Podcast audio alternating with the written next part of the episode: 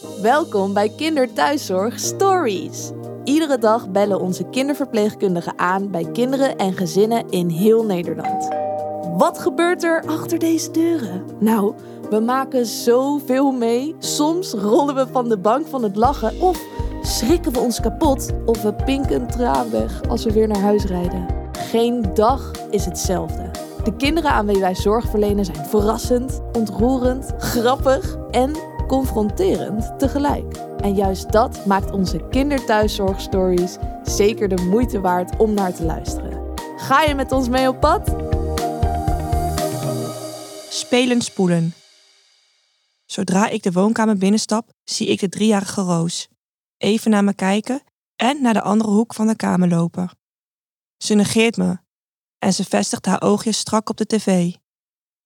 De poosstoel staat veelzeggend klaar en het nieuwe darmspoelsysteem hangt over de stoel. In het dossier heb ik gelezen hoe angstig Roos is en hoe moeder haar best doet om veilig te blijven voor Roos. Roos ondergaat het spoelen doorgaans huilend en schreeuwend en spreekt niet tegen de verpleegkundigen. Vanuit mijn tas haal ik de toverstaf tevoorschijn, een glazen buisje met glitters erin.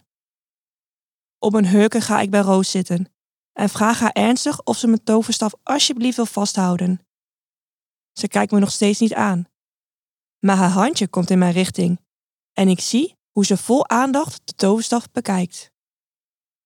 Opeens komt Roos overeind en ze trekt me mee.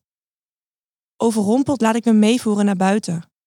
Roos laat me los en pakt een fel paarse plastic kat die enigszins hysterische miauwgeluiden maakt. Ik bewonder het diertje en besluit hem aan te spreken.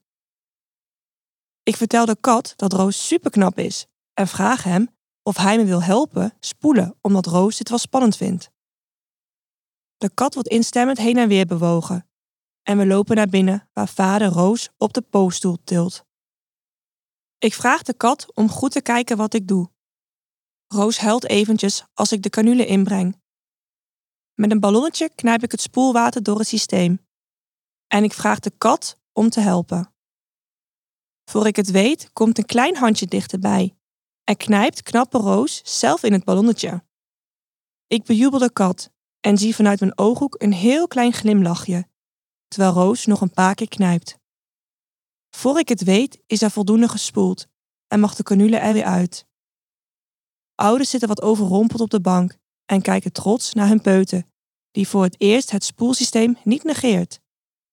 Ik bedank de kat voor de samenwerking en vertel hem hoe ontzettend knap Roos is. De kat knikt weer en ik houd mijn hand op, waarna zowel de kat als Roos me een high five geven. Roos wordt meegenomen om te douchen en ik pak met een blij gevoel mijn toverstaf. Die plastic katten zijn zo gek nog niet.